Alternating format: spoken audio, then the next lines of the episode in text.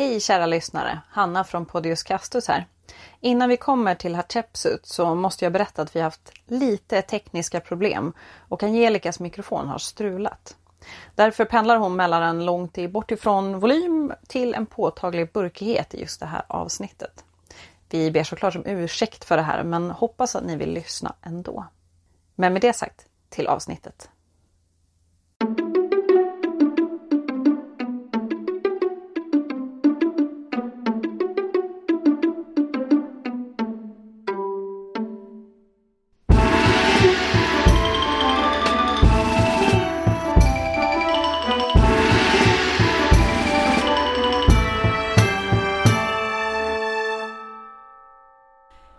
Välkomna till Podius Castus, en podd om antiken.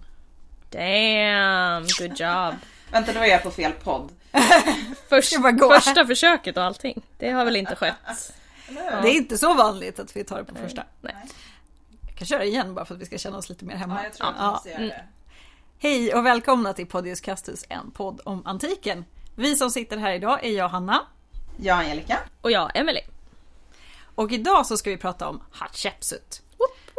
Äntligen Ja. säger jag. Ja, Ja, det har, det har jag sett fram emot länge, jag tänkte säga. Men, Ja. ja. Jag med? Och hon är då forna Egyptens längst regerande kvinna. Hon var farao. Eh, Hon kom till makten under den 18 dynastin och den börjar då på 1550-talet före vår tidräkning. det är alltså tre och ett halvt tusen år sedan. Det är länge sedan. Det är bra länge sedan. Då var, vänta nu, då var pyramiderna redan, 1500 år gamla. ja, Ja, give or take liksom. Ja. Så de var redan gamla då. Ja. Och Hatshepsut hon lyckas bland annat regera åt en ung pojke som inte var hennes egen son. Vilket är ganska, eller det är helt, det är jätteovanligt, det är unikt. Eh, och hon trotsar systemet som tidigare bara har tillåtit att det är just mödrar som regerar åt sina biologiska söner. Sen bygger hon också mm, väldigt mycket, många tempel och annat. Hon vidgar Egyptens gränser, skickar bland annat en delegation till det mytomspunna riket Punt och ser till att bli farao i egen rätt. Så hon är en banbrytare. yes. Och vi kommer fokusera på Hatshepsuts väg till makten i det här avsnittet. För det finns så mycket att berätta om henne. Men vi tar oss till som blir farao, till som blir kung. Yes, Den här gången. topp. Men eh, vi kanske ska börja med att prata lite förutsättningar först i forna Egypten för eh, kvinnor. Och om ni har lyssnat på några av våra andra avsnitt om det forna Egypten så är det ju ingen nyhet att eh, det har funnits en hel del kvinnor som faktiskt har regerat. Vi har ju bland annat vårt avsnitt om Sobek Nefru som är Egyptens första kvinnliga farao. Och eh, hon var dock inte ens först. Inte på tronen, nej. Inte på tronen. Bildliga tronen till och med, om nu ska vara petiga. De hade ju inte alltid en fysisk liksom. Nej. Makt, maktutövare då, Ja, precis. Mm. Innan henne då hade kvinnor haft den ultimata makten. Till exempel Merneith, som hon regerade åt sin son. Mm. Sen finns det också många drottningar som hade framträdande positioner och väldigt mycket makt. Ja. Så om vi tittar historiskt så finns det exempel som Hatshepsut själv då kan ha inspirerats av och Ja. faktiskt kom ihåg. Liksom. Ja. Även om det inte är tusen. Det, Nej men det är ändå många fler i forna Egyptens långa historia om man jämför med andra kulturer runt Medelhavet. Ja. Så att det är ändå utmärkande att de finns kvar liksom. Ja, och kvinnor Ja, generellt i, under Egyptens historia har alltid mer makt än typ, låt säga atenarna, alltså kvinnor i Aten, kvinnor i Rom. Allt sånt där, hur man ser på kvinnor. De fick äga och liksom. Så. Ja, de kunde skriva egna kontrakt Mm. till exempel. Eh, De kunde driva affärsverksamhet. De kunde faktiskt ha, inneha viktiga positioner nära faraon. Det var ju oftast genom släktskap såklart, Mm. men det var ändå väldigt viktiga positioner som innehade makt och där de kunde utöva egen makt. Så att liksom, om man ska dra stora penseldrag så var det ju bättre att vara kvinna i forna Egypten. Mm. Men Stora penseldrag. nu pratar du ju främst om eliten. Ja, såklart. Men även kvinnor längre ner hade ju lite bättre för de hade ju faktiskt juridiska rättigheter som man till exempel inte hade i romerska. Men absolut, vi kommer ju hålla oss i toppskiktet i eliten i det här avsnittet. Och mödrar var ju högt eh, vördade i forna Egypten. Och man skulle visa en stor respekt för sin mor. Speciellt om man var son. I like that. Och eh, då finns det ju en text av skrivaren eh, Anny. Anny. Ja, Ani. Uh, ursäkta, jag pratar inte egyptiska. Forn, fornegyptiska. Nej, det är nog inte så många som gör det. Eh, och den, är, den här texten är från eh, Nya Riket och den lyder ungefär så här. Dubblera mängden mat din mor gav dig och ta hand om henne så som hon tog hand om dig. För du var en tung börda för henne och trots det övergav hon dig inte. När du föddes, efter dina månader, var hon fortfarande bunden till dig eftersom hennes bröst var i din mun i tre år. Allt eftersom du växte och ditt bajs blev äckligt blev hon inte äcklad. Amazing. Ja, det är fantastiskt. Det är fantastiskt. Det här är liksom ett litet utdrag, det finns en längre text. Men det är ändå, ja, respekt. Visa respekt för din mor, för hon har fan kämpat. Ja, Här liksom erkänner de verkligen att så här, hon har så här, tryckt ut dig, hon har liksom suttit fast vid dig, stackarn. Du Ja, har liksom, du hon har har, varit en börda. du har varit en Ja. börda, hon har tagit hand om ditt bajs och det var äckligt. Ja. Men det är ändå bra, alltså det visar ju att man faktiskt förstår vikten av, alltså om man värderar mamman och kvinnan. Även om Ja. det här är ju också ett patriarkalt samhälle. Ja, ja, ja. Men, men det finns ändå en, alltså någonstans finns det en liksom realisation om att det här är en väldigt viktig person och en väldigt viktig funktion som Ja. ändå det här är ju inte den enda sån här text, det finns faktiskt från Nya Riket en hel del såna här texter. Så att det, ja, Mm. att vara mamma var inte, ja, det fanns ju annat som kanske inte var jättebra med det men viss respekt skulle man få. Det är bra. Men det, ja. Om vi ska röra oss ännu närmre kvinnorna kring faraon så måste vi börja med drottningarna. För att de var ju också mammor och i det här fallet så är det väldigt relevant i den här mammarollen. Och om man tittar på lite längre tillbaka, om man tittar på faraonerna från gamla och mellersta riket så verkar de liksom ha nöjt sig med att ha en drottning gemål med, i kombination med ett för oss ganska osynligt harem bestående utav då så kallade konkubiner. Vi kommer komma in på de där termerna. Och vilka de här övriga kvinnorna var, det vet vi väldigt, väldigt lite om. De är väldigt osynliga.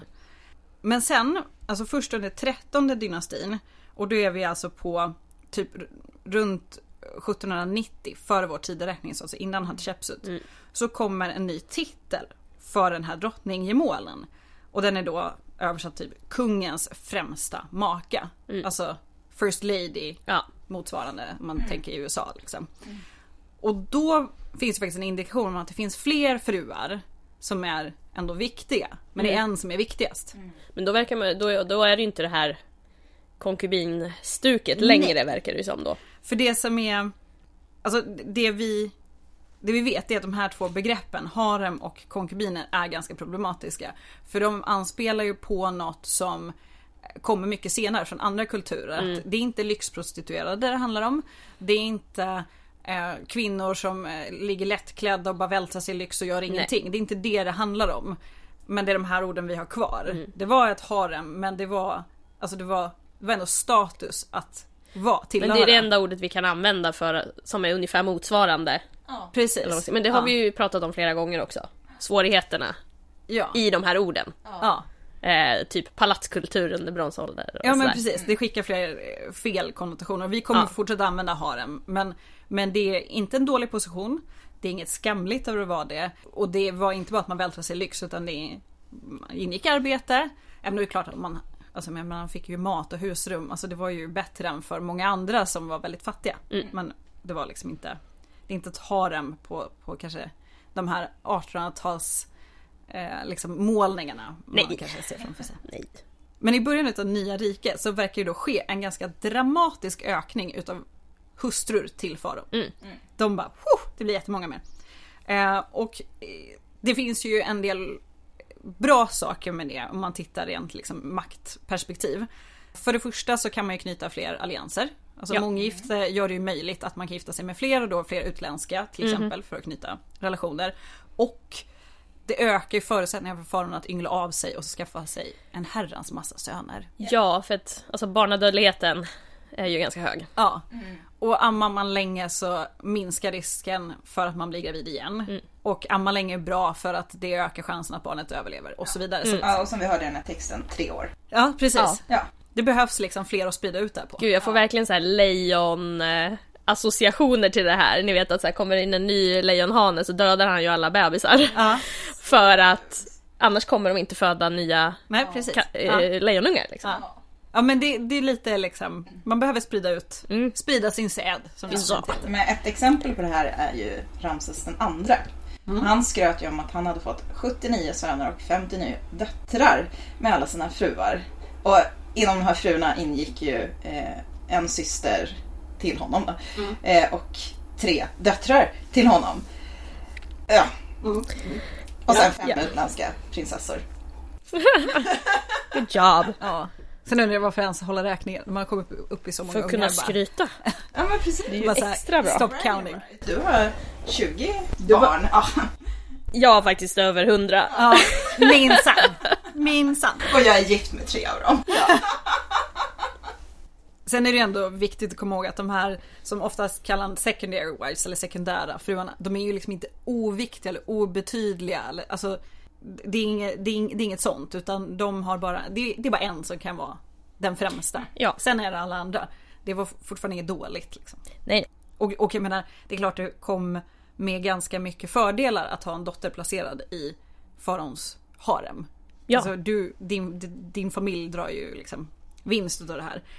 Det som är lite tråkigt är ju att vi vet inte hur de valdes ut. nej. Alltså de utländska, där kan man ju förstå, det har vi haft ett minisnitt om, att man liksom förhandlar och så skickar man en dotter bara. Du får min, här, du får min syrra, Ja. du får min dotter, jag skickar över henne, ha så kul.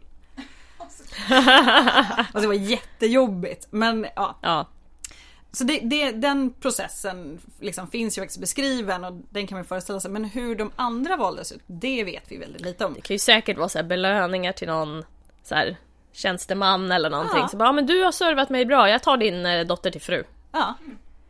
Och de kanske anmälde sig frivilliga eller Ja.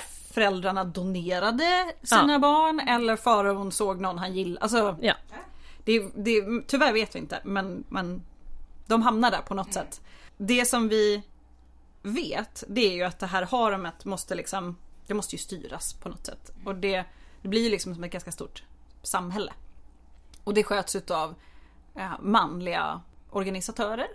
Men till skillnad från många andra kulturer så har man inte valt att det ska vara enuki utan det här är gifta män som är administrerar det här liksom, det ganska stora communityt som finns. Liksom. det är ganska spännande ändå. De är så pass många att de bara säger ja men vi måste... Oh. Ja, ja men för det är ju det är inte bara fruar utan det är ju liksom ett helt entourage. Ja. Det är alla barn. Om man då som Ramses den andra där hade liksom över 100 barn, det är ganska många.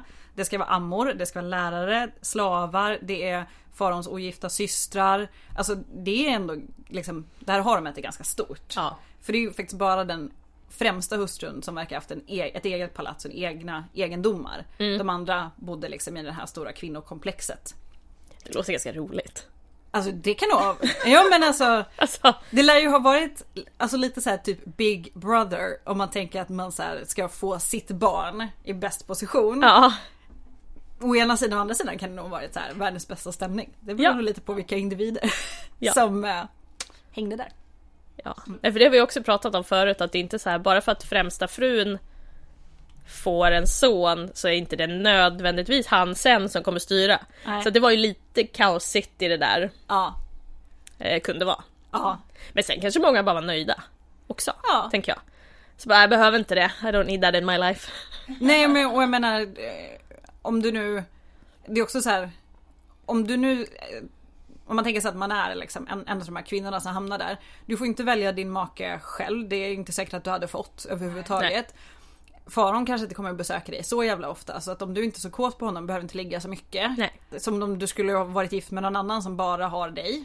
Ja. Du kanske föder ett, två barn och sen kan du leva i haremet. Alltså ja, du får mat, du har det bra, det är liksom... du har säkert viss utbildning, du Ja. har liksom möjligheter. Mm.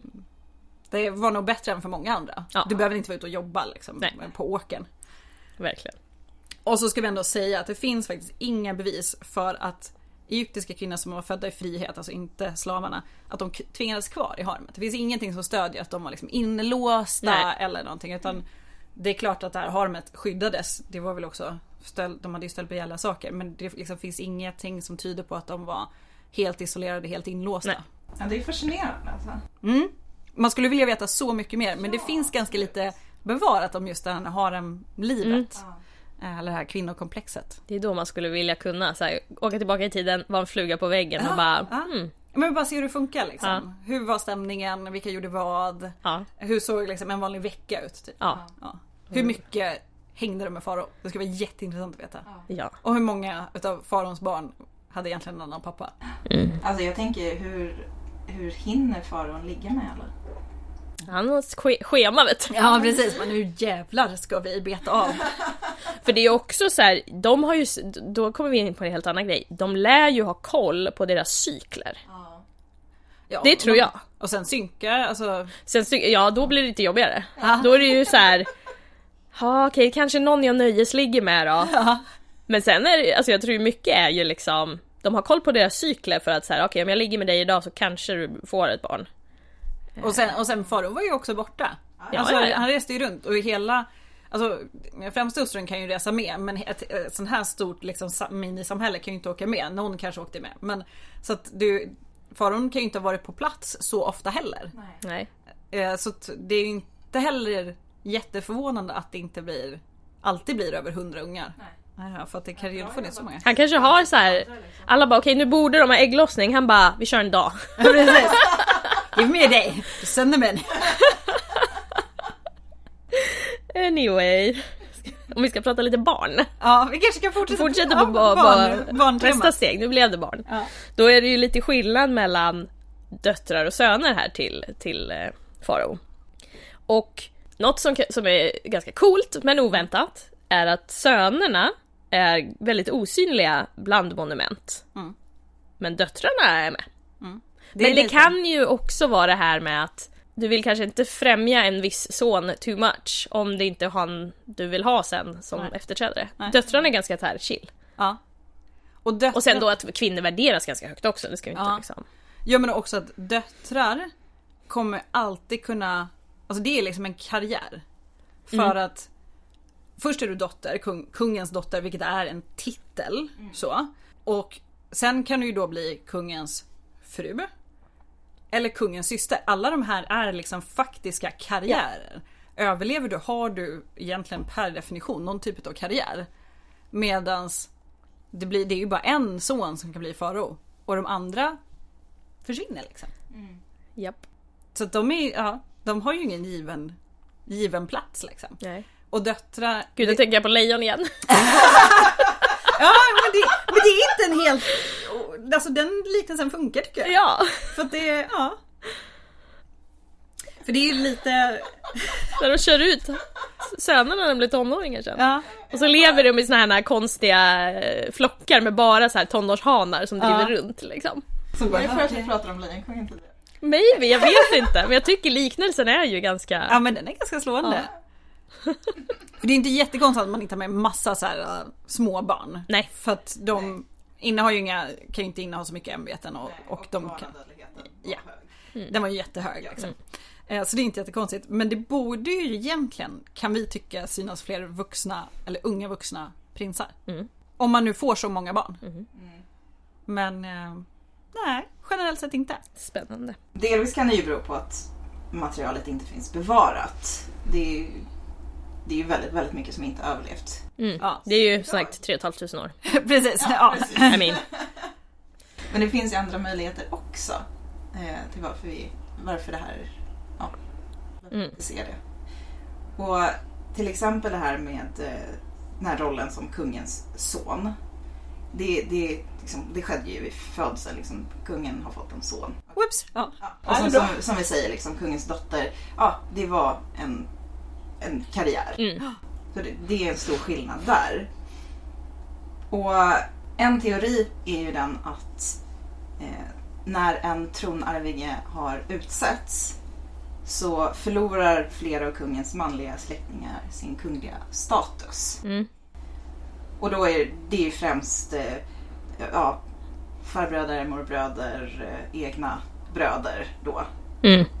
Och fördelen med det skulle ju vara att den kungliga familjen enbart bestod av eh, själva farao, hans mor såklart, mormor, fruar, ogifta systrar, eh, mostrar, fastrar, döttrar och eh, söner då.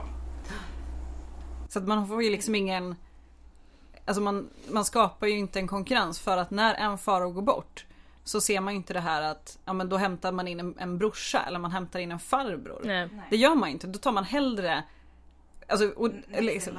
Ja och då tar man hellre en kvinna. Vilket, Ja. ändå, vilket ändå säger en del att, att man har liksom För, för jag menar, även om barnadödligheten var hög, hade man klarat sig förbi de här första åren så har man ganska stor chans att, att, att bli ändå hyfsat gammal. Mm. Vi pratar ju också om, om en elit som har möjlighet till mat och så vidare. Mm. Så att det, genom historien borde det ha funnits fler bröder kvar. Eller fler unga farbröder kvar. Men vi ser ju inte det. Hellre tar man då en, en kvinna, vilket man i det här patriarkala samhället borde kanske ha tänkt tvärtom. Mm. Så att någonstans så måste ju de här personerna då ha Ja men de kanske inte är så kungliga längre. Nej. Alltså man, man har liksom sållat bort dem. Mm. Frågan är hur man har sållat bort dem. Det finns ju inga bevis för att, det är väldigt väldigt tidigt så finns det ju bevis på att, att det skedde människooffer. Men det var ju liksom Mm. ja, 1500 år innan det här. Men, Mm. Men jag tänker i och för sig, finns det ett, ett system där det är accepterat, då är det nog inget snack heller. Då blir det inte de här Ja men som man ser i Europa med kungar och så då ska man ska ta över tronen fast då finns det en son och liksom hit och dit. ja, Om det, om, det, om det är ett system som funkar, Ja. då kanske man bara accepterar det. Ja. Och jag menar de här personerna, det fanns ju massa viktiga ämbeten, massa viktiga prästerskap. Ja. eh, Liksom eh, stora mer, ett jättestort rike. Så att jag menar det var inte så att de så här, fick ut och tigga på gatan. Nej. Men, men de, de hade väl fortfarande någon form av status. ja. Men de var inte aktuella för tronen. Nej precis. Så att ja, det är ändå väldigt, väldigt intressant. Det är väl mest det här, ja men faraon dör. Det närmsta vi har är en kvinna som kan föra över det till hans son. Ja. Mm. För, för det har vi pratat om i, pratat vi ganska mycket om i avsnittet om Sobek Nefru, men just det här att en, en kvinna ses, eller verkar sett som en liksom, vad ska man säga, ett säkert kort att bibehålla den här liksom, maktbalansen som man vill bibehålla. Mm. För att en, också de här kvinnorna är ju oftast, inte alltid, men oftast är de ju redan dotter till en far och syster till en make till en mor till en. Och då tänker man att de vill främja familjen. De har så starka familjeband så man vill liksom fortsätta främja den här familjen. Och är man då mamma till den, far, den farao som är men som är typ tiny, en liten bebis. Då vill man ju främja sitt barn och då kommer man inte kuppa, man kommer inte lämna Nej. bort makten till någon annan. Så man liksom ser det som ett säkert sätt att fortsätta föra vidare, makten inom den här liksom kungliga familjen. Mm. Och generellt sett funkar det ju. Sen kommer ju Hatshepsut men I mean, det visste man ju inte då.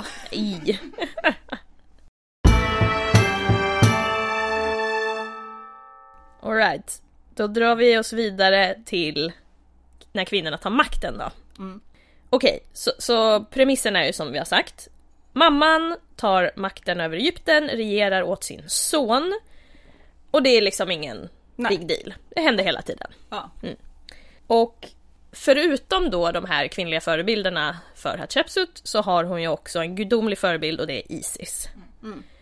Och i myten om Isis och Osiris så blir Osiris mördad och han är ju då Egyptens rättmätige härskare och han mördas av sin bror som är avis. Mm. Och då samlar Isis ihop alla delar av honom för han har blivit styckad och utspridd.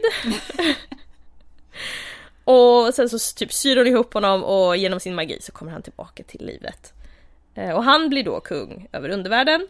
Och sen så ger hon honom en son, Horus. Ja, Och Horus är ju då hotad på grund av vissa sätt. ja precis. För, den avundsjuka farbrorn. Ja. Ja. Eh, och då gömmer hon sig och skyddar sin son tills att han har vuxit upp och kan besegra sin farbror Set. Så mammor var viktiga liksom, till och med i mytologin. ja. Och att just den här rivaliteten mellan bröder finns ju också med här. Ja. Där, liksom, Och det är lite som ett varnande exempel ja men lite liksom. eftersom det inte lyckas. Ja. Och det, och det är väl det har, man, har många forskare lyft att, att när vi försöker lista ut hur man tänkte och varför man valde att göra så här och inte som man ser liksom andra historiska exempel på så har man ju lyft just den aspekten att man är så rädd om den här maktbalansen så man vill undvika inbördeskrig för det hade man ju i Egypten. Man vet alltså mellan de här det som man kallar gamla riket, nya riket, mellersta riket alla de så var det ju de här perioderna med mycket mer krig och invasioner och så här. Det är inte jättekul. Nej. Ja, eh, kommer ni ihåg det här med Ramses och hans fruar eh, och hans döttrar och eh, hans syster och allt det här var lite så här, eh, ja, syster, fru, döttrar, fru. Ja. Incest skulle vi kalla det idag. Incest. Det var ju så i forna Egypten så det fanns en grej att man kunde gifta sig med, med syskon. Mm. Till och med om det var helsyskon. Mysigt. Mysigt. Men det var ju liksom inte allmänt. Det var ingenting som vanliga dödliga gjorde. Nej. Vilket vi också tog upp lite i eh, Arsino-avsnittet. Precis. Ja, det verkar ha varit juridiskt möjligt för vanlig Svensson. Ja, Ja. Ni förstår vad jag menar. ja. ja. Eh, att gifta sig med en nära släkting. Men kanske inte så vanligt. Nej, Eller kanske, det var inte så vanligt. Nej. Nej. Nej. Och länge så ville ju liksom egyptologer förklara det här med att det var att, man gif- att faraon gifte sig med liksom sina systrar och döttrar och sådär, att det var nödvändigt. Och då pratar vi liksom när egyptologin blev en disciplin så har man ju, eh, det här med moral är väldigt, liksom, det hänger med in. Man har svårt att frikoppla det man studerar med Sin samtid. sin samtid och sina egna åsikter och det som man Ja, ja, Ja ja. men så är det alltid och det är väldigt, väldigt präglat av det under den här perioden. Så att man vill förklara att det liksom var nödvändigt på något sätt. Att du var, var tvungen att det är det som vi liksom tycker är incest. gifta sig med sin syster. Men man måste för att. Ja, Och då la de fram lite då teorier. Och det var då att den kungliga makten inte skulle kunna gå direkt från en far till en son. Utan var tvungen att liksom legitimeras genom en av kungens döttrar. Och därför var man tvungen att gifta syskon med varandra. spänn. Alltså det är så roligt. Och det håller inte. Nej. Det finns så många exempel när den främsta hustrun är någon helt annan, Ja. alltså någon helt utomstående. Eh, där makten har gått från en far till en son eller från andra utan att det finns en dotter involverad. Så att det- det är liksom, Det håller inte. det håller Nej. verkligen inte. Och sen finns det ju faktiskt bevis för att syskon ville gifta sig med varandra. Mm. Man visste ju om de här exemplen då också. Det är klart det kommer ju nya bevis hela tiden. Mm. Men alltså, om man inte gillar det så lyfter man inte. Men det finns ett eh, intressant exempel. Och nu är det långa namn så bear with me. Och det är ju då exemplet med prins Nenerfarkapta och prinsessan Ahwer. Typ. De var syskon och de var stört förälskade i varandra. Head over heels. Sweet home Alabama. Ja men det var verkligen så här. De, de gillade varandra, de ville gifta sig. Mm. Så de bad då sin far, som var farao, om att få gifta sig med varandra och att eh, prinsessan att hon skulle få en hemgift. Eh, men faraon han, eh, han liksom funderar, ska Mm. jag verkligen, ska jag inte? Inte för att man tycker att incest är ett problem. Utan om han bara har, alltså han beskrivs säga om jag bara har två barn, ska jag verkligen låta dem gifta sig med varandra? Kan jag inte använda dem bättre? Ja. Kan jag inte utöka familjen mer? Mm. Genom att gifta dem med andra. Både rent fler barnbarn men också Mm. ja, fler liksom, allianser. Sen så är det väl ganska troligt att han hade fler än två barn. Eller? In the end. Ja, kanske inte- inte så många som har överlevt. Nej. Nej i och för sig, det beror på hur många fruar han har in Ja. the first place. Men, men eh, så säger han, om jag bara har två, ska Ja. jag verkligen? Men han låter dem gifta sig i alla fall. Så att eh, de får, hon får en hemgift och de får gifta och eh, de får eh, ligga och ligga och ligga och älska varandra. Vad mysigt. Ja, för den, den här texten är beskrivet är, är verkligen beskrivet också liksom när prinsessan då, han, vi gifte oss och han kom till mig och han älskade med mig och han gjorde det igen och vi älskar varandra. Oh God. Så att det var liksom, ja. Nej men man såg, alltså grejen är också så här, det är så främmande hit och dit men det är så här, man såg inte på familj så som vi gör. Nej. Man, man gjorde inte det. Och sen tror inte jag kanske heller man nödvändigtvis förstår konsekvenserna. Alltså Om du då del, får barn med din Ja. syster. till viss del såg man ju att det kanske inte alltid gick jättebra. Ja. Men samtidigt så, det handlar om, om ganska långt fram och det tillkommer ju, det, alltså det tillkommer ju faktiskt nytt blod i och med att det är månggifte Mm. Ja. hela tiden. Och sen så ska man ju inte glömma bort den här gudomliga aspekten. Nej. Att hålla makten inom familjen är bra rent monetärt. Du behöver inte betala hemgift för dina döttrar. Du får inga jobbiga svärsöner Mhm. som kan komma och konkurrera. En poäng. Men också att faraon är ju gudomlig. Mm. Så att du vill liksom inte tunna ut det här gudomliga Nej. blodet. Sen ska vi inte vara så petiga för jag menar kolla på Europa på 15, 16, 1700-tal. Ja, De är ju för fan släkt med varandra idag Ja. allihopa. Ja men för det är också Alltså- det, om du, om du har en, en prinsessa då måste ju prins, prinsessan kan ju inte gifta sig med vem som helst. De måste Nej. gifta sig med någon i samma status. Ja. Då finns det ju inga andra att välja på. Nej. Det är ju alltså, Jag tänker på han, vad heter han? Som var kung eh, i Spanien. Ja, som vi haft med förut Ja, ja. största underbettet och hade talfel och allt möjligt. Eh, ja, den, vad heter det? Habsburgska, Habsburgska hakan, är det ja. inte det? Ja. Mm. Så att vi är ju, alltså vi kan ju inte sätta våra moralkakor på det där med Nej, tanke nej. på hur nära i tid det faktiskt ligger ändå för oss liksom. Nej. Sen så är inte jag någon förespråkare av incest överhuvudtaget men, nej, nej. men just att man inte kan, som vi sa det här, våran syn på samhället idag kan vi inte lägga på dem. Nej. Det funkar liksom inte. De, det är bara konstaterat, de gjorde så här Ja. och det är intressant att liksom studera vad som låg bakom hur det funkade, Mhm. hur man såg på det och så. Men det är bara ett konstaterande. Ja. De gjorde så. Nej. Och det fick ju konsekvenser. De, det föddes ju personer som hade många svårigheter. Mm.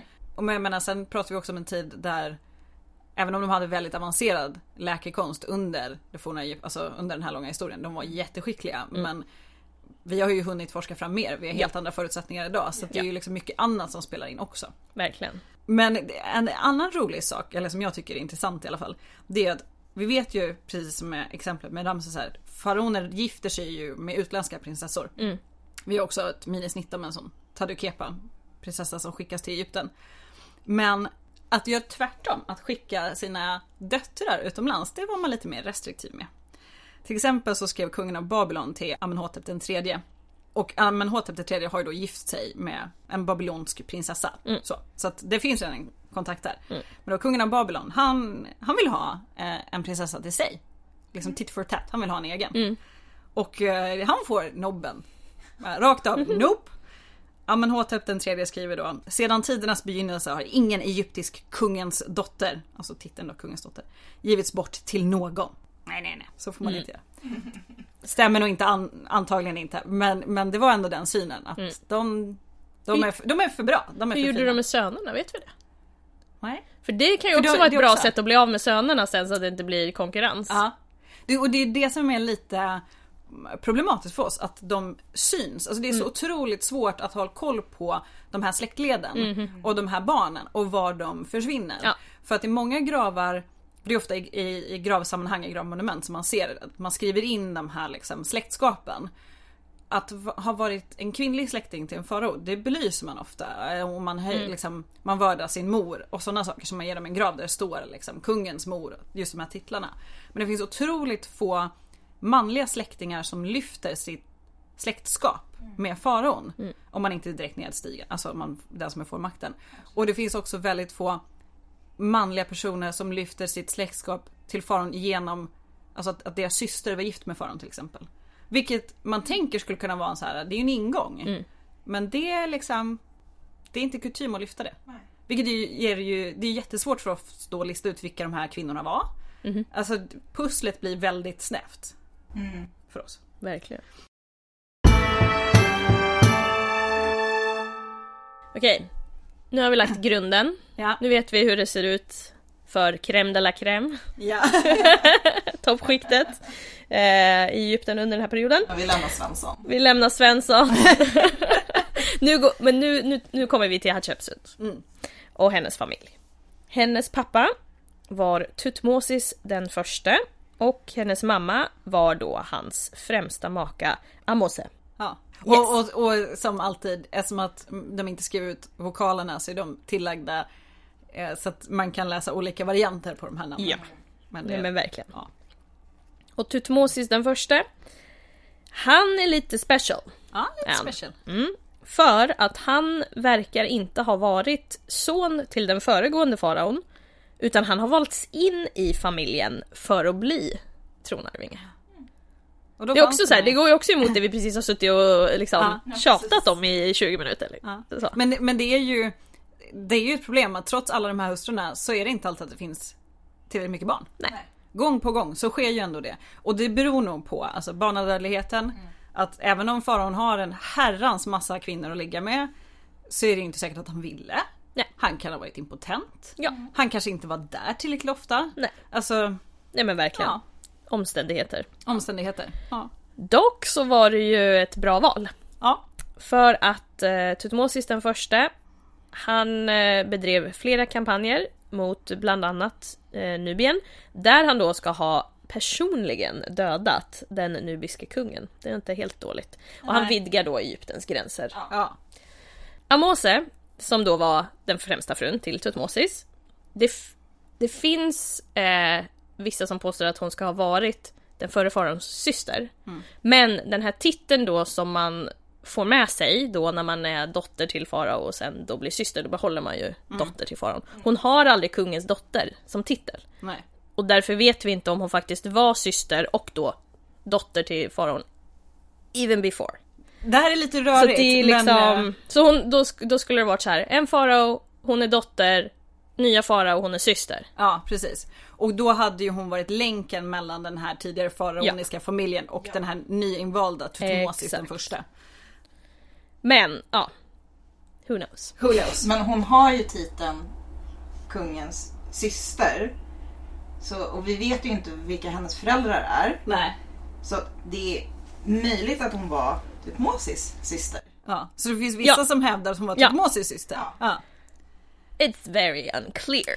Och det, det, det som är lite intressant det är ju att vissa hävdar ju då att när Tutmosis blir farao när han blir vald. Då gifter han sig med sin syster. Att det ska vara liksom. För då är det okej. Ja, okej. Men som sagt, vi vet ju inte. Nej. Det är det som är så svårt. För det, när man får de här titlarna så heter man ju kungens dotter. Men inte kungens dotter till eller kungens syster till. Nej. Utan du har den titeln och så måste man sitta och lägga ett pussel. Spännande. Mm. Oavsett. It doesn't matter. Nej. De är gifta, Ja. Tutmosis och Amose. De är Ja. gifta, that's it. That's all we need to know. Ja. De, de får två döttrar. ja. Hatshepsut och Neferubiti. Mm. Men hon verkar ha dött ganska ung. ja. Och Hatshepsut ska ha fötts någon gång ungefär eh, 1507 före vår tideräkning. Sen ska ju Tutmosis den första ha fått tre barn till som vi vet om. Och det är tre söner. Men de tror man att han har fått med en annan fru. Mut Nofret. Och en teori som hör ihop med det här röriga som vi berättade om nyss. Det är ju att Tutmosis den första var enkling när han kom till makten. Att hans första fru då, Mut Nofret, hade dött. Fött honom tre söner och dött. Så. För han kanske var lite gammal. Han kanske var hela 35 år när han kom till makten. Okej, så han kommer till makten, han har tre barn. Det är det man tror. Ja. Men det här är ju, eftersom att barn är så osynliga Ja. så anges ju aldrig födelseår för dem. Så det är liksom, det är svårt att veta. Men han har tre eller till och med möjligen, möjligen fyra söner. Och hur vi vet om dem för att de syns när några av dem går bort och sen så är det ju en av dem som blir farao. Så att eh, döttrarna är ju då yngst. Ja, som man tror är de yngst.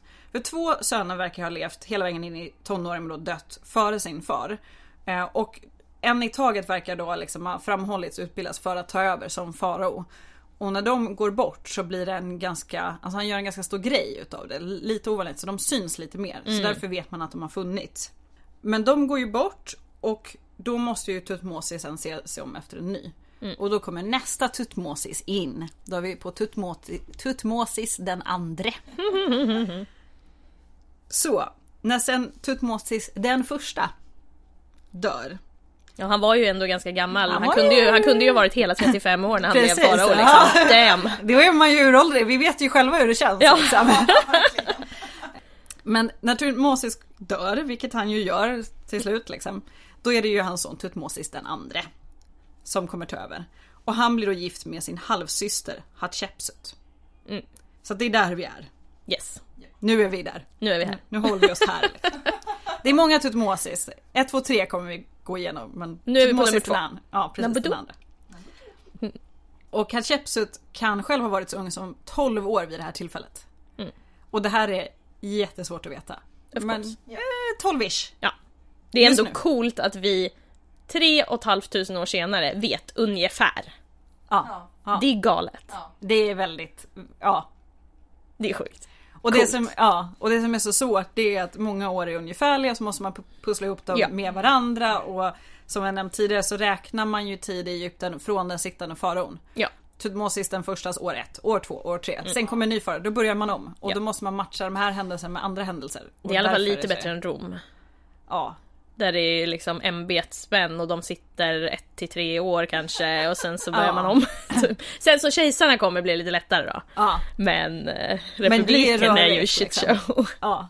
Så att om vi liksom motsäger oss så är det för att det är helt enkelt så beviset ser ut. Eller liksom Ja. källorna ser Exakt. ut.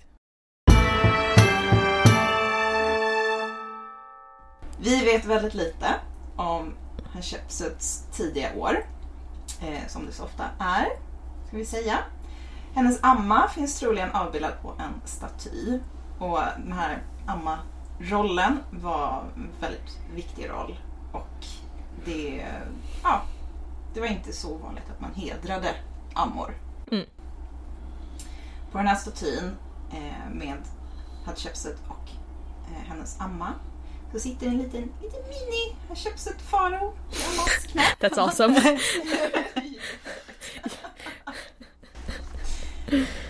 Men som vi sa då, så hon kom ju in i rampljuset. Alltså Hatshepsut, inte hennes amma. Nej. Hon kom med i rampljuset på riktigt när hon gifte sig med sin halvbror Tutmosis den andra.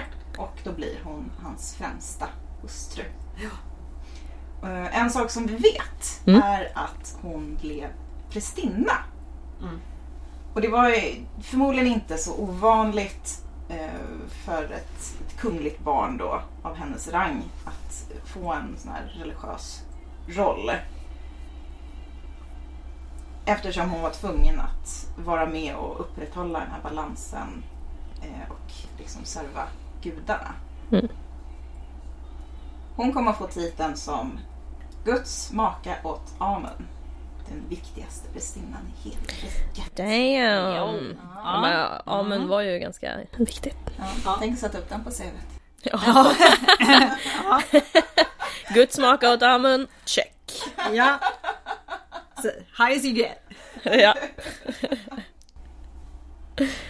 Den här eh, ja, titeln, eh, Guds maka åt Amun, kom inte bara med eh, uppgifter att sköta utan även med tillgångar, eh, rikedomar och en direkt kontakt med gudarna. Då har du ditt på det torra sen i efterlivet liksom. Mm. Det var man nog ganska bra. Mm. Mm. Liksom. Och i den här rollen så förväntades hon att fysiskt delta i ritualer och utföra vissa sysslor. Det var alltså inte bara symboliskt utan det här var ju faktiskt ett arbete Mm. som hon utförde. Och sen så förväntades hon att stötta faron i ritualer. Hon var Mm. en väldigt viktig spelpjäs där. Ja, Mm. verkligen. Och så in med prästerskapet och alltså det här är det här är viktigt för hennes framtida karriär. Om man säger Ja, så. om inte annat så får hon eh, massa tillgångar. Ja, Alltså hon Absolut. blir ju rik liksom. ja, ja, Och det är liksom hennes. Återigen, kvinnor kan äga själva. ja. Och så tiden efter då att Tutmosis den första dör, alltså deras pappa dör. Så det här nya faraoparet, de, de verkar liksom följa den traditionella vägen. Det stick, den här tiden sticker liksom inte ut. De begraver sin far, pompa och ståt som man ska. De fortsätter med den typ av liksom politik som han har kört och även hans företrädare körde. Och, och som var effektiv. De, Det var här var ändå en If blomstrande it ain't period. broke. Nej men precis, ja. Och han var ju ändå väldigt typ storslagen eller vad man ska Ja, säga. ja. Ja men det var framgångsrikt så det var ju smart. Så. Tutmosis den andra då, alltså hennes maka och eh, bror. Hans militära bedrifter är liksom inte lika storslagna som varken hans fars eller hans eh, son som kommer sen då. Och det här har liksom tenderat att föra honom lite i skymundan och göra honom till lite svagare så att säga eh, i historieskrivningen. Och eh, man pratar om att han ska vara sjuklig och sådär. Så här, inkompetens är lika med sjuklig. Ja. Nej, jag säger inte att han var inkompetent. Nej. Han, han var inte lika successful. Nej, och jag menar, alltså. Vi vet att han bedrev framgångsrika militärkampanjer. Två i alla fall. Mm. Han kanske la tiden på annat. Det kanske inte finns bevarat. Eh, alltså, så- alltså, Nej men det är också så här, om, de, om, om då Tutmosis den första redan har vidgat riket, Ja. då ska det ska stabiliseras, det kanske räcker nu. precis. Ja. Vi kanske måste skapa ordning och reda här. Ja. Alltså att, att förvalta någonting är också viktigt. Ja. Absolut. Men han han har liksom hamnat lite sådär och han var den sjukliga säger man. Ja. Ja. Så, men, ja, men de följer ändå så att, hur, det brukar se ut. Och Hatshepsut hon får liksom de traditionella titlarna. Eh, kungens främsta maka, vi hon är kungens dotter, hon är kungens syster, hon är liksom det här viktigaste för henne, Guds maka. Det är den hon själv fram, verkar framhålla. Den här Eftersom den verkar komma med en hel del rikedom och eh, liksom direktkontakt till gudarna så är det så här, nu bygger man varumärke. Ja, Absolut. ja, för om något så är hon bra på att bygga varumärke. Ja. Och det finns liksom en, en stele från den här perioden som visar upp den kungliga familjen som är ganska traditionell då. Då har man eh, Tutmosis den andra då främst, alltså för han är faraon. Och sen bakom honom så står enkedrottningen, Amosa, alltså deras mamma. Och bakom de båda, först där kommer Hatshepsut. Och hon är inte lika liksom eh, framstående, hon förväntas vara den här dygdiga hustrun som står där bakom. Eh, Och till exempel så är Hatshepsuts krona mycket mindre och ögonfallande än hennes mamma. Så att där är, även om hon är främsta maka så är fortfarande mamman viktigare. Vilket var en, ett, liksom ett maktförhållande som, Ja. som hängde kvar väldigt länge i, eh, under forna Egypten. Återigen, mammor är viktiga. Och det finns heller ingenting som tyder på att Hatshepsut var missnöjd med sin roll. Nej. Det finns ingenting som tyder på det. Och det finns ingenting som tyder på att Tutmosis var tvungen att liksom manövrera så att hon inte skulle ta makten eller att hans son sen ska få makten. Det finns, för det har ofta beskrivits så att Hatshepsut har fått den stämpeln som att hon var liksom hon var så ambitiös och hon bara styrde och ställde. Det var hon som skötte allting bakom. Det kan hon ha gjort men det finns ingenting som tyder på att hon var en sån här halvgalen kvinna som var mm. jätteegocentrisk och... Det är ju det där liksom, moderna forskare måste hitta en anledning till Ja. att hon fick makten. Och var hon sen hon var maktgalen? Hon Ja. ville ju ha den. Ja, Det är enda, enda The scheming bitch, liksom. Ja, just det. Precis. Eh, och det, det kan man liksom inte se. Nej. För, bara, bara den enkla anledningen att hon lyckas skulle jag säga är ett bevis mot. För att hade hon varit så problematisk Ja. det hade man ju bara kunnat byta ut henne. Ja. Herregud. Liksom. Det hade ändå varit möjligt. Ja, ja, ja. Framförallt så här tidigt. Och vi vet ju till exempel att Hatshepsut börjar påbörja och nästan lyckas färdigställa en drottninggrav till sig själv. Som är en typisk drottninggrav. Det finns en jättefin stensarkofag med hennes titlar där hon beskriver sig själv som eh, liksom syster och alltså hon följer mallen. Så att, ja. det, det är ingenting än så länge som sticker ut. Nej. Och sen då, då går vi lite vidare i deras äktenskap här. Eh, Hatshepsut och brorsan. De får ett barn tillsammans. Det är en dotter. Och hon heter Neferure. Mm. Och sen så, så, som vi har tjatat om, att det, vi vet inte helt, men det kan ha varit så att de har fått en dotter till. Men det, det, nämns, det nämner inte Hatshepsut så att vi det, det går inte riktigt att belägga det där liksom. Men vi vet om Neferure. Och eh, så som det verkar som sagt så, så är det, det är det barnet Det är de får. Liksom. Mm. Och hon är också sådär vanligt osynlig. Tills att pappa dör. Och då eh, får hon en mer synlig roll. Också en mer synlig roll än vad Hatshepsut hade vid samma ålder. Men let's not get ahead of ourselves. Nej, precis. precis. Vi vet inte så mycket om Neferures uppväxt. Ammor var som sagt viktiga. Eh, det är ungefär där, alltså så här, ja en amma till dottern, ja Mm, det är bra. Ja, det är bra. Men sen så har vi en annan viktig roll också, det är en lärare. Mm. Och då dyker det upp en människa. När vi pratar om Hatshepsut. Eh, Senenmut. Och han ska då ha varit lärare åt Neferure. Och de ska då ha avbildats tillsammans. Ja, ganska ofta. Ja. Han verkar liksom ändå ha värdesatt den här rollen. Så då kan man ju tänka att det går ju lite mer in i en roll, en lärarroll här än att vara lärare bara. Ja, Antar jag. Det är någon sorts uppfostran. ja Som ingår i detta. Ja. Och han var ju inte den enda läraren, vi har andra namngivna lärare åt eh, Neferure. Men Mm. Senenmut är, kommer vara viktig under hela Hatshepsuts karriär. Mm. Eh, och han eh, tillskrivs ofta rollen som hennes älskare. Ja, för så måste det ju ha varit. Så måste det ha course. varit. Eh, Men, men en av de rollerna vi vet med säkerhet att han hade var som lärare åt dottern. Mm. Eh, Och han låter uppföra en del statyer där han liksom har då lilla Neferure på sitt knä sådär. Som Mm. man ska göra. Ja. Och vi kan ju också, alltså som sagt man kan inte säga sådär jättemycket om den här tiden men vi kan anta det är ett rimligt antagande att Neferure borde ha uppfostrats till att bli nästa faraos fru. Alltså att hon förväntas gifta sig med en halvbror. För det bör komma en bror. Alltså så tänker man. Men det kommer ju komma en till farao, en, en till Tutmosis, nummer tre blir det då. Men det finns ingenting som säger att de faktiskt gifter sig. Och de lever samtidigt. Så att, men det, det borde ha varit att, det var tänkt från början. Men eh, sen när vi kommer till Tutmosis den tredje så finns det inga bevis för att de faktiskt gifter sig. Men när Tutmosis den andra dör så var det troligen väldigt plötsligt. Mm. Men old age. Ja, han är säkert 37 eller något. Ja men det, är- det är ju, det är, när man tänker på det, det är faktiskt läskigt hur unga de var. Ja. Alltså just i Egypten verkar det ha varit så, du fick ju barn vid typ 14. Och sen dör du vid 30. Vi hade ju dött för länge sedan. Men, och så finns det en del som lever till de är så här 90. Ja, Ja. Ja. så här, medelåldern är 30. Ja. Men okej. Eh, tillbaka från åldersnojan här. Ja. Som kröp fram. Ja, visst. Ja. Tillbaka från det där. Eh, vi vet ju att eh, han dog väldigt plötsligt för att det, det fanns ingen bra förberedd gravplats Mm. åt honom. Och det var ju väldigt viktigt att det, det fanns. ja, det var ju något man börjar med ganska tidigt liksom. Precis, vi har ju redan pratat om att Hatshepsut har förberett och nästan för, färdigställt en gravplats till sig själv. Mm. Men man har funnit en mumie som är tillskriven honom. Men som så mycket annat, det upprepar jag ganska ofta. Ja. Det där med oklarheten, eh, stämmer det verkligen? Eh, Mumien hittades nämligen i en man säger, mumiesamling Ja. med ett gäng eh, ombegravda mumier.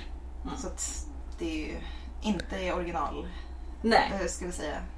Originalgrav. Ja, precis. Då, då är de ju ombegravda under Alltså de är inte ombegravda idag utan under någon gång under från Egyptens historia men liksom efter sin egen period.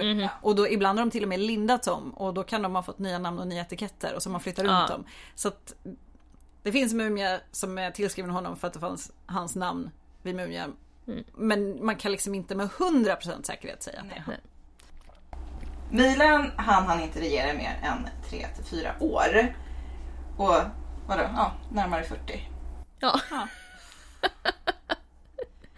Och det, då, det skulle ju förklara att det inte fanns så många kungliga barn att välja mellan. Han har inte hunnit... Eh, Han kan ju till och med ha varit mycket yngre än 40. det kan den han ju faktiskt. Om kan han Hatshepsut faktiskt. var 12 när pappan dog. Så kanske Vad kan han den varit? andra kanske var... Åh jäklar, han kanske bara var Ja. typ 20. Ja, ja, alltså we don't know. Då kanske han bara var typ 24 när han dog. Ja. Damn. Ja. Mm. ja, han var nog inte 40 då. Nej. Nej. Om, han, om han bara regerar i 3-4 år, då var han nog Ja. kanske typ 24 bast. Men, var det bara 34 år? Dun, dun, dun. Ja, forskarna är ju lite oense om det där. What? Vissa forskare säger att ja, det var en kort regeringsperiod på 3 till 4 år, ja. Bland annat baserat på att det finns så lite material bevarat med hans namn på. Och det är också så här, avsaknad av bevis är bevis. Ja, Typ. Ja. Typ. Och här Ja. brukar man prata om de här små skarabéerna. För att stora monument, det kan man ju hacka om. Ja. Eh, Men de här små skarabéerna, det är liksom lön, alltså man lägger inte tid på det. Och då finns det studier som är gjorda där det är typ så här, vad kan det vara? 400 skarabéer för, för eh, Hatshepsut. Eh, med hennes faronamn. Men typ 60 för Tutmosis den andra. Alltså det är Oj. någon sån här, det är jättestor skillnad. Och jättemånga mer för hans pappa. Så Ja. det är ett sånt bevis Ja. som man använder. Men man kan ju inte alltid utgå från statistik. Nej, Nej, det kan man faktiskt nej inte. man kan ju inte göra det heller. Det kan så man att, eh, Så vissa forskare säger att ja, men det rör sig om kanske 13 år. Ja, det är Ja. lite skillnad va? Lite Ja. skillnad. Oh well, han dog. han dör. ja. Men det gör, point. det gör också att det är svårt att veta hur gammal Hatshepsut är. Ja, Ja. Nej, men verkligen. Så är det ju. Men kvar blir ju hon. Ja. Ja. Eh, och hon hade ju inte fött honom en son. Det, det vet vi ju ändå. Mm. Men det finns ju någon annan som har gjort det. För vi har ju redan nämnt att det blir en Tutmosis den tredje. Yes. Så det finns alltså en annan kvinna. Men hon verkar då ha varit lägre i rang. Hon kan ha hetat Isis. Det är lite oklart. Men då den här lilla sonen, Tutmosis den tredje, var alldeles för ung för att regera. Och här brukar man prata om att han är någonstans mellan bebis och typ 2-3 år. Mm. Alltså, Mm. vi pratar Alltså litet, riktigt litet barn. liten. Ja. Mm. Hans regeringstid kommer att vara i, i 50 år så att det talar ju Han också har nästan för levt att... dubbelt så länge som folk eh, generellt gör. Och här finns det ju också en tillskriven mumie, en identifierad mumie som honom. Och den var inte kroppen av en gammal gubbe. Så det styrker ju ändå att han måste ha varit väldigt liten. Ja. Så här eh, finns det ändå tillräckligt mycket bevis för att man ska kunna säga det med någon hyfsad liksom, säkerhet. Och tidigare har man ju då löst ett sånt här problem genom att pojkens mamma får regera. Ja. Så, för att man vet ju att en mamma borde främja sin son. Ja. Så. Men det händer ju inte, det här nämner vi i början, utan det blir ju Hatshepsut som är liksom hans styvmammas slash faster liksom, som blir regent i hans ställe. Hon blir ju hans förmyndarregent. Mm. Och det här är har man, det har inte hänt innan. Så vitt vi vet har det här inte hänt innan. Nej. Så det är jättespännande. Och jag nämnde ju också att det här med Hatshepsuts ålder är ju lite svårt. Mhm. Hon är någonstans mellan 15 och 30 år vid det här tillfället. Rimligt. Ja, och det här liksom kommer det här påverkar ju ändå hur man ser på henne. Är hon 30, då borde hon anses som ganska gammal och antagligen inte skulle kunna föda fler barn. Mm. Är hon 15 så är det ju inte så. så att, Nej. ja. Men, men man vet inte. Tutmosis den tredje, han kommer längre fram i historien när han blir gammal hävda att han har samregerat med sin far. Men det är ju liksom inte troligt Nej. överhuvudtaget. Eh, och han kommer också liksom hävda att det genom ett gudomligt mirakel var det jag som blev utvald till att liksom styra. Så han kommer ju känna ett behov efter Hatshepsut att liksom befästa att det faktiskt var jag. Men det, det, nu kanske går händelserna lite i förväg. Eh, men det finns ju en anledning till att han behöver befästa det också. Alltså just för han, han försöker göra sig av med alla bevis för att hon har funnits. Ja. Så. Men ganska långt efter att hon har dött. Det är också spännande. Ja. Det är så mycket i den här historien som inte egentligen följer det mönstret man, man tror att det Ja. borde göra. Så, att- intressant. Ja det är jätteintressant. Och det har vi pratat lite mer om i Damnatio avsnittet. Mm. Där går vi faktiskt in på det. Just att hon utsätts för Damnatio, alltså man försöker radera henne ur historien. Mm. Men inte direkt efter att hon dör utan ganska långt senare. Men det är väl också så här, om man inte lyckas riktigt i sin, i sin nya roll då som Ja. farao, låt säga att man inte får med sig alla eller att de fortfarande minns henne och hur bra hon var. Ja. Då måste man vidta åtgärder. Eller man börjar känna att det kanske finns någon annan kvinna som kan få idé. Ja, ja precis, han kanske hade någon i sin närhet och han bara mm, Well, nej. jag börjar känna mig lite, Ja, lite hotad. hade fragile ego. Men eh, precis som eh, innan så sköter sig Hatshepsut sådär duktigt. Mm. Till en början. Ja. Hon eh, ja, tar sig de förväntade titlarna, ingenting mer. Hon låter sig avbildas bakom den här väldigt lilla kungen. Mm. Så som det liksom ska vara. Men redan år sju, alltså nu har man ju börjat räkna om. Liksom. Ja. Mm. År ett från att han tar över. Och på sju år, då har, det, då har någonting, det har totalt vänt. Mm. För då är Hatshepsut kung och inte drottning. Ja. Så på sju år så går hon från att vara en liksom förmyndarregent och en drottning Mhm. till att bli farao i egen rätt. Men vi, vi, vi ska liksom inte vara vid år sju än, men Nej. det är dit vi ska ta oss. Ja. Nu ska vi ta oss till år sju. Yes. Ja, men eh, vi kanske måste utreda Tutmosis den andres död lite. Ja. Eller hålla oss i, i, i oss närheten eller vad man ska säga. Blev det här plötsligt en motpodd? Vi ska lösa alla egyptiska mord. Ja. ja. I wish. Som sagt, han, han coolar. Vi har ingen bra son. Eller bra son, vi har ingen tillräckligt gammal son. Nej. Sonen kanske var bra. Ehm, Han var lite ung. Han, var lite liten. Lite för lite att veta om han var bra. Ja, eller exakt. Han kanske är horrible. Ja. Ja, så att, ja, men ja, vi får väl ta honom då. Det är Ja. den enda vi har liksom. Så, Ja. ja, ja, whatever. Ja, det, det är ju som sagt lite suspekt då att eh, lillkillens mamma inte blir vald. Och då kan man ju också spekulera så här. Har hon dött? Ja. Kanske. Ehm, det kan ju också vara att eh, hon kom från en familj som man inte ville skulle få tillräckligt med inflytande. Eller från en familj som inte var tillräckligt fin för att få inflytande. Och, eller Hatshepsut bara kanske var awesome. Ja. Hon var ju frä. Hon har ju också den här gu, eh, gudens maka-titeln. Ja. Det kanske påverkar. Ja. För det är ju verkligen inte alla fruar som har den titeln. Nej. Och hon har ju faktiskt haft tid på sig att visa sig kompetent. Ja. I förhållande till en, en, en eventuell annan kvinna som inte har så haft, har haft den möjligheten, kanske inte är kompetent heller. För det som man ska komma ihåg det är att den här ensamma starke mannen man brukar prata om i historia, att det är, liksom, det är en person som ändrar hela världshistorien. Det, det funkar aldrig. Nej. Du måste fortfarande alltid ha personer runt omkring dig som, som stöttar. Ja. Liksom. Eh, om alla tyckte att Putin var en galning skulle han inte kunna hålla på som han gjorde. Det måste alltid finnas folk runt omkring som stöttar. Antingen med ett aktivt stöttande eller med passivt stöttande. Det måste ändå ske. Ja. Visst. Så att eh, någonstans så måste ju, måste ju folk ha varit okej med Hatshepsut. Verkligen. Så att ja, återigen. Ja. Mamman är out of the picture i alla Ja. fall. Och det kan till och med ha varit så att man valde den här sonen för att man ville ha Hatshepsut. Ja. Den möjligheten finns också. Man Ja. ser Hatshepsut som en bra det här, det här är en bra övergångsperson liksom. Ja. Och det finns kanske, säg att det finns fyra små bebissöner. Ja. Då tar man en som är så enklast, vars, vars mamma är enklast att putta bort. Den Ja. möjligheten Nej finns men faktiskt. Absolut. Minns ni Senenmut? Läraren. Nej, jag har förträngt alltihopa. Jag har suttit och tittat på en hackspett i ett träd i en halvtimme. Ja, jo, men även om Angelica har förträngt scenen mot och tittat på hackspettar istället. Så var ju det läraren till Mm. Neferure. Eh, och en som kommer vara väldigt viktig person under hela Hatshepsuts regeringsperson. Pers- person, period. Ja, period. men regering, ja, hon är Ja. ju en regeringsperson också. Hon är en regeringsperson också, men under perioden. Ja. Men år sju, alltså när vi, liksom, vi vet att Hatshepsut har blivit kung, så begraver Senemut sina föräldrar. Och han begraver dem som man ska, förseglar graven. Och sen täcks ingången till den här graven helt och hållet med liksom byggnadsrester, för han bygger sin egen grav ovanför. Så den liksom täcks igen. Alltså lite som samma sak som hände med Tutankhamons grav. Så det är först på 30-talet, 1930-talet som man öppnar den här graven. Då har den varit helt förseglad. Och det här är ju väldigt ovanligt och jätte jättebra. För i den här graven hittar man då flera föremål som är stämplade. Och de är stämplade med år 7 och Hatshepsuts kungatitlar. Det är det som gör att vi vet att år 7 är hon kung. Det här är liksom beviset. Ja. Och det går liksom inte riktigt att bestrida det här för det finns ju en årangivelse och det finns titlar och det här var förseglat. Ja. Så det har liksom inte påverkats efter att graven förseglades.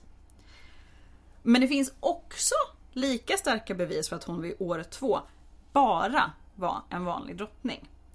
Det är Och det- ganska nice för då, nu börjar vi liksom Nu börjar vi kunna... smalna av ja, här liksom. fem år. Ja. Ja, och det här beviset det var faktiskt den här stelen som vi pratade om innan när hon Just det. avbildas längst bak. Just det. Så att vi, här har vi ju ändå som du säger, det är en femårsperiod. Mhm. Det är en ganska liten period. Och även om vi har den här femårsperioden så är det väldigt svårt att veta exakt när skiftet sker. Tycker ändå det är ganska bra med en femårsperiod. Ja, det är ändå... Det, det, är, det är Återigen, faktiskt ganska snabbt. tre och ett halvt tusen år sedan. Ja, Och vi precis. kan gå ner Ja. till fem år. Ja.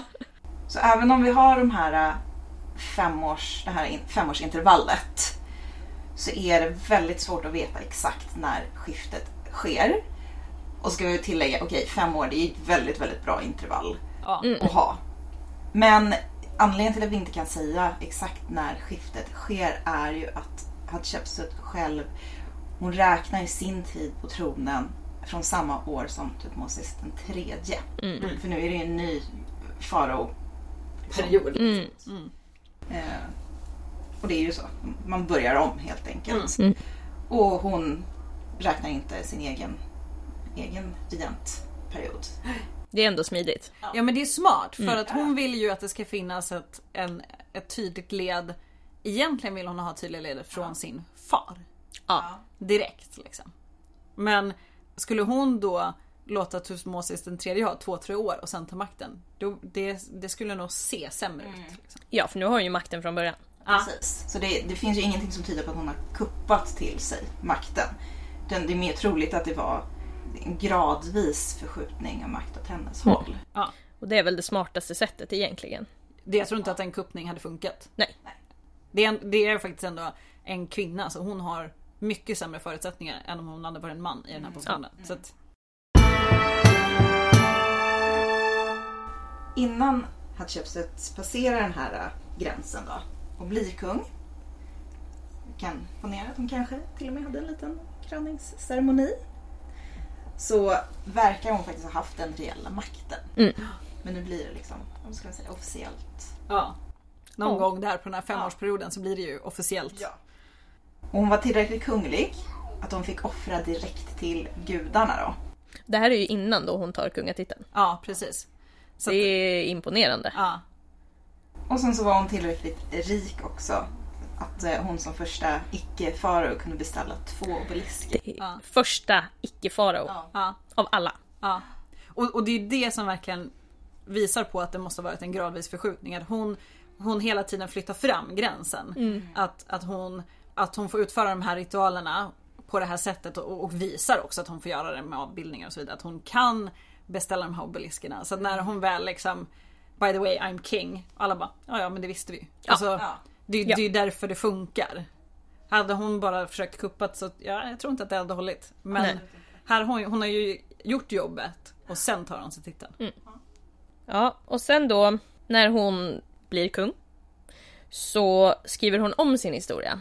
Det är också viktigt. Nu ska vi liksom sedimentera hela grejen också så att den blir, den blir stabil. Då hittar hon på att hon har samregerat eh, med sin far, Tutmosis den förste. Och så pekar hon gång på gång att det var hon som egentligen skulle fått makten när pappan dog. Ja. Återigen då, direct line. Ja. precis. Speciellt eftersom Tutmosis den andre framstås som lite svag och lite sjuklig och klen. Ja. Ja det ser ni, han var ju klen. Det skulle varit jag. Ja, precis. Ja. Alltså, Ja. så. Eh, Där känner man ju också igen det vi nämnde. Tutmosis att den tredje försöker skapa, liksom, jag var samregent med min far. ja, precis. Ja. Så han använder ju samma, han försöker ju liksom använda samma knep. Ja.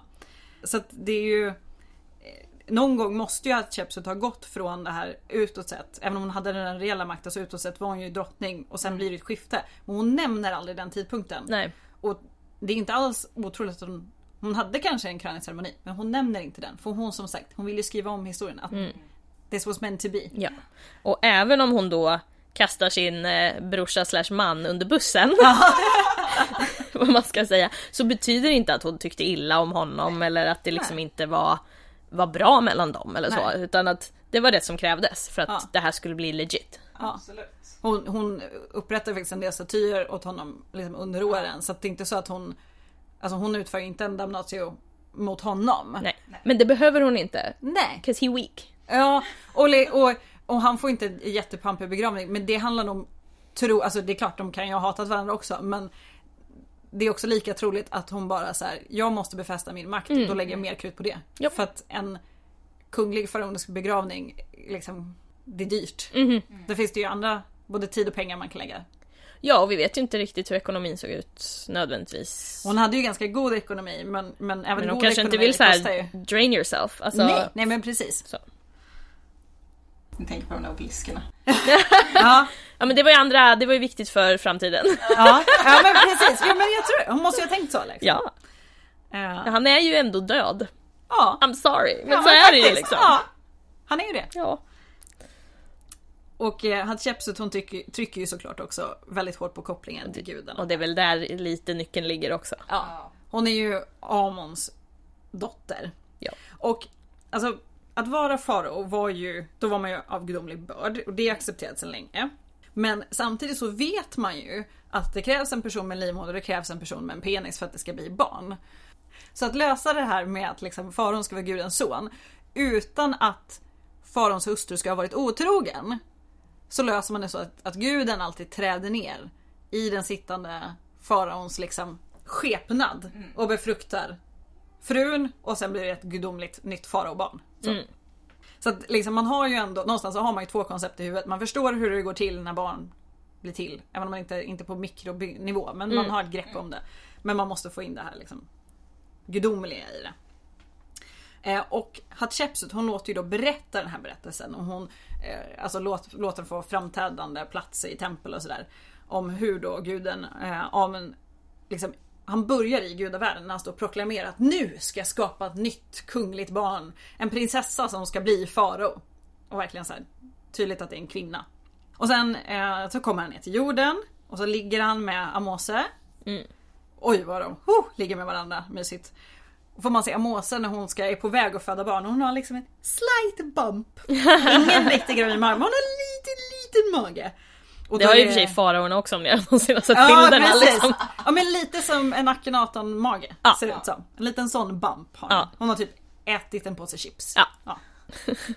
Eller en pastarätt eller något. Men, och så får man se hur hon liksom föder det här barnet och, och Hatshepsut växer upp och sådär. Och den här berättelsen får plats i tempeln. Dock är det inte alla som kommer in och ser den. Men, men den här berättelsen, hon, alltså hon återberättar den och den är viktig. Och det som är lite intressant tycker jag, det är att på en av de här avbildningarna av Hatshepsut som barn, när hon sitter tror jag i antingen en lärares knä eller hennes pappas knä, så är hon hon är namngiven som Hatshepsut men hon är avbildad som en pojke. Och där har man då tolkat som att hon att hon liksom gör det tydligt att om guden inte bryr sig om vilket kön jag har, varför ska någon annan göra det? Mm. 'Cause, I mean, det spelar inte så stor roll. Nej. Och det här kommer hon ju leka med framöver, alltså hur hon framställs. Sen eh, kan man ju inte bara ta makten genom att bara tycka att man ska ta makten. Nej! Hon måste vara lite strategisk. Lite strategisk, absolut. Hon verkar ju förstått vikten av att hålla sig på god fot med eliten också. Det finns inskriptioner kvar från män ur eliten. Eh, Och de beskriver hur duktig och kompetent hon var. Och eh, hur mycket hon älskade dem och alla gåvor som hon gav till dem. Åh gud vad hon tycker bra om oss och vilka fina presenter vi får. Ja. Hon är fantastisk! Hon är så sjukt duktig också! Ja! Det verkar ju som att eliten hade det väldigt bra ställt under, Mm. under hennes eh, tid. Och det, är- det är ju som Hanna säger, du kan inte nå makten utan Nej, det måste ha någon bak. supporters. Liksom. Ja. Och eh, det här kan ju också varit en, en bidragande faktor, faktor till att eliten verkar ha stöttat henne som förmyndarregent. Och även senare då som farao. Och såklart så ville ju personerna närmast henne få ut något av det. Och hon fick nog betala för de här Hon gav dem ju massa fina gåvor. Ja, eller hur? Money talks. Ja men man kan ju se från den här perioden att de liksom helt plötsligt får de mycket, alltså den här skiktet får mycket större gravar, mycket finare gravgåvor. Mm. Alltså, de får mer pengar. Ja, det var därför hon inte hade råd med en fin begravning till sin man. Ja. Hon visste vad hon skulle lägga pengarna på. Japp, Exakt. exactly. Men det här betyder inte att hon var någon sorts liksom maskot eller liksom att hon... Puppet. Ja, nej men exakt. Utan... Och det finns heller inga bevis då att det skulle varit någon grupp män ur eliten som faktiskt styrde och att hon bara hängde med liksom. Nej. Nej. Hon verkar ju ha haft koll på spelbrädet. Exactly. Bland annat så gav hon ju Senenmut som har dykt upp innan en position i statskassan och han verkar liksom ha kommit lite från ingenstans. Han verkar inte vara någon ur det här toppskiktet från början. Interesting. Men samtidigt så ger hon en annan person samma position, samma titel. Och det är ändå en, en Amose, men en man. Amose Penenkbet. Så att hon har liksom satt två personer på samma typ tjänst, liksom, samma funktion med samma titel. Och då har man tolkat det som att hon liksom att hon ska försöka få dem att tävla om hennes gunst. Så hon ska få liksom eliten att jobba för henne. Ja hon fattar att hon behöver liksom betala och ge gentjänster. Men samtidigt så ska hon försöka balansera upp den här makten. Spännande. Mm. Och, och hur vet vi då att, alltså återigen, det vi har från Egypten mycket är avbildningar. Mm. Så att det här Guds maka-grejen som vi har tjatat om att det var så himla viktigt, det vet vi för att hon låter sig avbilda på det, avbildas på det viset. Mm. Fast ännu större och närmare gudarna än andra som haft samma position. Ja. Så att, och i det här också så ses hon utföras ritualer som faraon tidigare gjort. Ja. Eh, vilket också tyder på att nej men, jag gör allt. Ja. Jag är allt. Ja. Typ. Ja men så hon flyttar verkligen fram den här positionen så att hon gör allting redan och sen är det bara att, att någon formellt säger att okej men du är väl farao då. Mm. Alltså, Verkligen. Men nu är- när hon är farao så borde hon lämna Guds maka-titeln vidare. Mm. Och det ska ju ha av en kvinna som är släkt med faraon. Mm. Och det ska ju ofta då vara en maka, en dotter eller en mamma. och det här ska hon egentligen göra så fort hon blir förmyndarregent. Ja. Alltså redan där borde hon liksom lämna vidare det här. Men det kan ju också fatta, dels att smart att inte göra det men också så här: nej men ja, ni vet det är ju lite turbulent just nu, det här går ju inte liksom, vi måste ju Ja. sitta lugnt i båten här. Jag kan ju det här. Vi behöver inte fler nya positioner. Nej, Eller nya personer på positionerna precis. snarare. Nej. Så att, ja, vad, vad, vad... Det här är ju en ganska powerful position liksom. Ja. Vill hon verkligen ha den konkurrensen? Så här, shit, fan vad ska jag göra liksom? Jo, hon kom på en lösning. Ja men dottern. Ja. There you go. Ja. Hon är ju lojal till mig. Ja. Det är min dotter. Hon blir Guds maka. Klart. Check. Precis. Så att till slut gör hon det och då är det så här, okej men nu kan jag nog bli farao. Ja. Typ. För en farao behövde ju en Guds make. Ja. Hon kan ju faktiskt inte gifta sig med en kvinna. Nej. Det blir inga barn. Nej. Så att... Eh, Men det är också extra smart för att när hon lämnar över den här titeln så kan ju hennes dotter kan ju inte vara speciellt gammal. Nej. Så Nej. hon lämnar över titeln. Ja. Men dottern är för liten. Så att hon behåller, i realiteten så behåller hon jävla det. smart. Så att då är hon inte bara förmyndarregent åt en liten pojke som inte kan vara farao. Utan hon är också förmyndarprästinna Mhm. åt hennes dotter som inte kan vara liksom Japp. så att då håller hon egentligen i, så håller hon ju båda de här rollerna samtidigt. Ja. Fast även om tanken alltid är att ja, men hon ska lämna över de här bördorna sen. Oj, oj, oj, ja, gud, ja. Ja, ja, någon måste ju offra sig. Precis. Ja. Men, men alltså antagligen så tycker väl som du nämnde Emelie att här, i, lite måste man ju tycka att det här är nog ändå man vill verkligen inte ha en, en, ett inbördeskrig, man vill inte ha en maktstrid. Och hon har ju bevisat sig. Mm. Då är det kanske lika bra att hon får göra så här. Men det ger också henne möjligheten att, att hon, hon innehar den här makten och då kan hon sen under, alltså hon, hon måste ju ge sig själv tid liksom, för, att, för att skapa det här skiftet. Vi vet ju inte om hon, när hon bestämmer sig för att hon vill bli farao. Nej. Men det är inte så svårt att tänka sig att hon har gjort det vid det här laget. Nej. Eh, för hon börjar ju liksom, hon bygger ju framåt. Eh, och det finns ju faktiskt ingenting heller som garanterar att Tutmosis den tredje kommer överleva. Nej, han är ju väldigt liten. Han är väldigt, väldigt liten. Ja. Och det finns ingen garanti för att han kommer bli sådär eh, 14-15 kan börja yngla av sig. Nej. Det vet man ju inte riktigt än. Nej, nej.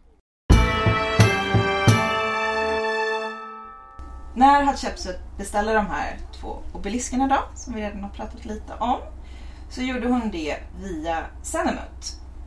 Och eh, han lät då berätta om, om det för alla som reste längs Nilen. Och det är genom en stor inskription. Att han gjorde det, det, detta på uppdrag av Hatshepsut. Och citat. Den som Ra har gett kungamakten till. Mm. Så han säger inte liksom det här är farao men det är nära liksom. Det här är ju det så här semantics Ja, liksom. precis. Han säger inte på uppdrag av farao Hatshepsut, men...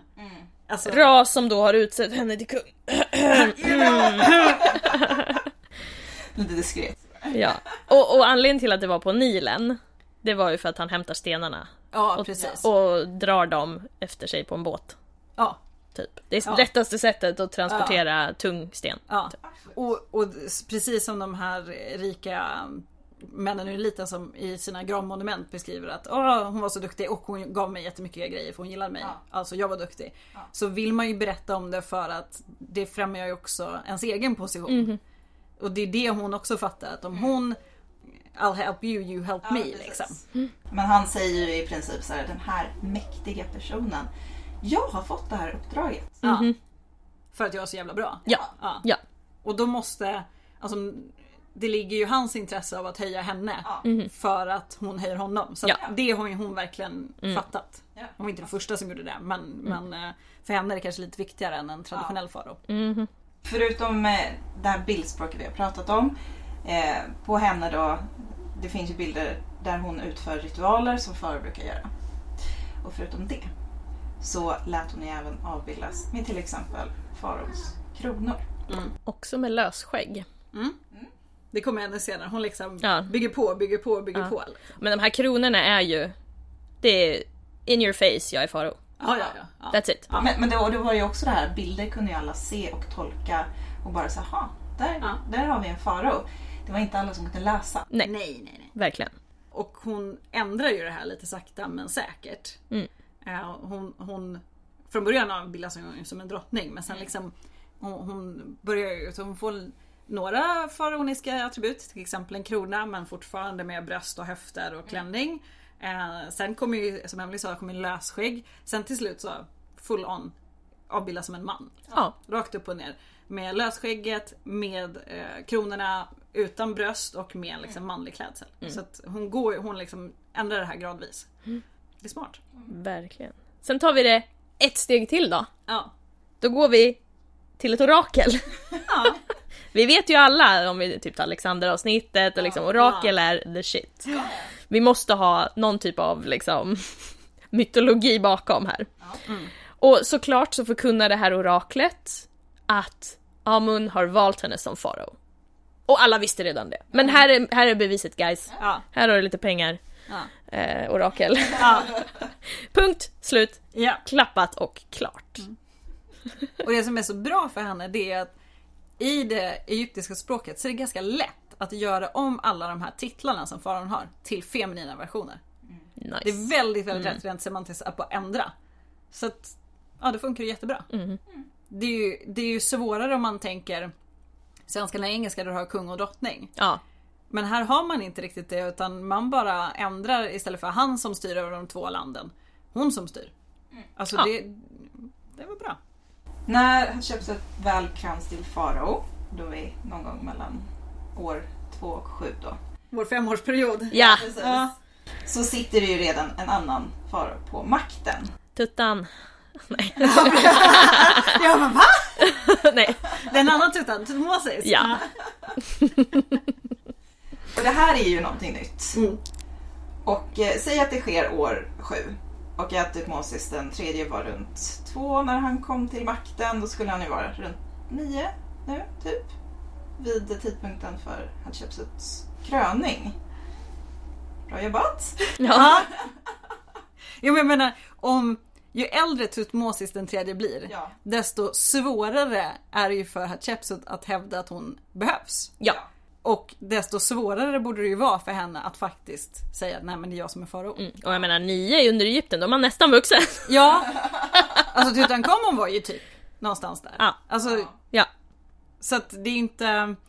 Det, det, det skulle ju kunna vara mer troligt att hon, det är närmare år två hon gör den här förändringen. Men det finns ju fortfarande en farao som sitter vid makten när hon gör det. Och han har ju inte dött. Men det är, faktiskt, det är faktiskt imponerande. Ja, Det är det. Och Sobeknefer som vi pratade om i tidigare avsnitt. Det, hon tog ju makten för att det inte fanns någon annan man som kunde ta makten. Men att Hatshepsut gör det trots att det finns en man som har makten. ja. Det är ju lite... I teorin i alla fall. Har han. Ja. Har ja precis, i teorin har han det. Ja, nej men verkligen. Ja. Så det är ju en, det är en stor skillnad där. Ja.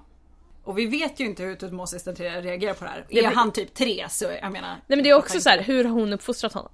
Ja. Det är ju, det är, det är ju Ja. grejen är, hon är ju Ja. förmyndaren här. Hon kan ju egentligen Ja. få honom att tycka att ja men det är klart att du ska vara farao. Ja. Och hon sitter ju på makten bra länge. Alltså, Ja. Det är inte så att han kuppar till sig makten när han blir 10. Nej. Eh, så att, och det finns heller inte bevis för att han skulle vara den här försmådda lilla styvsonen heller.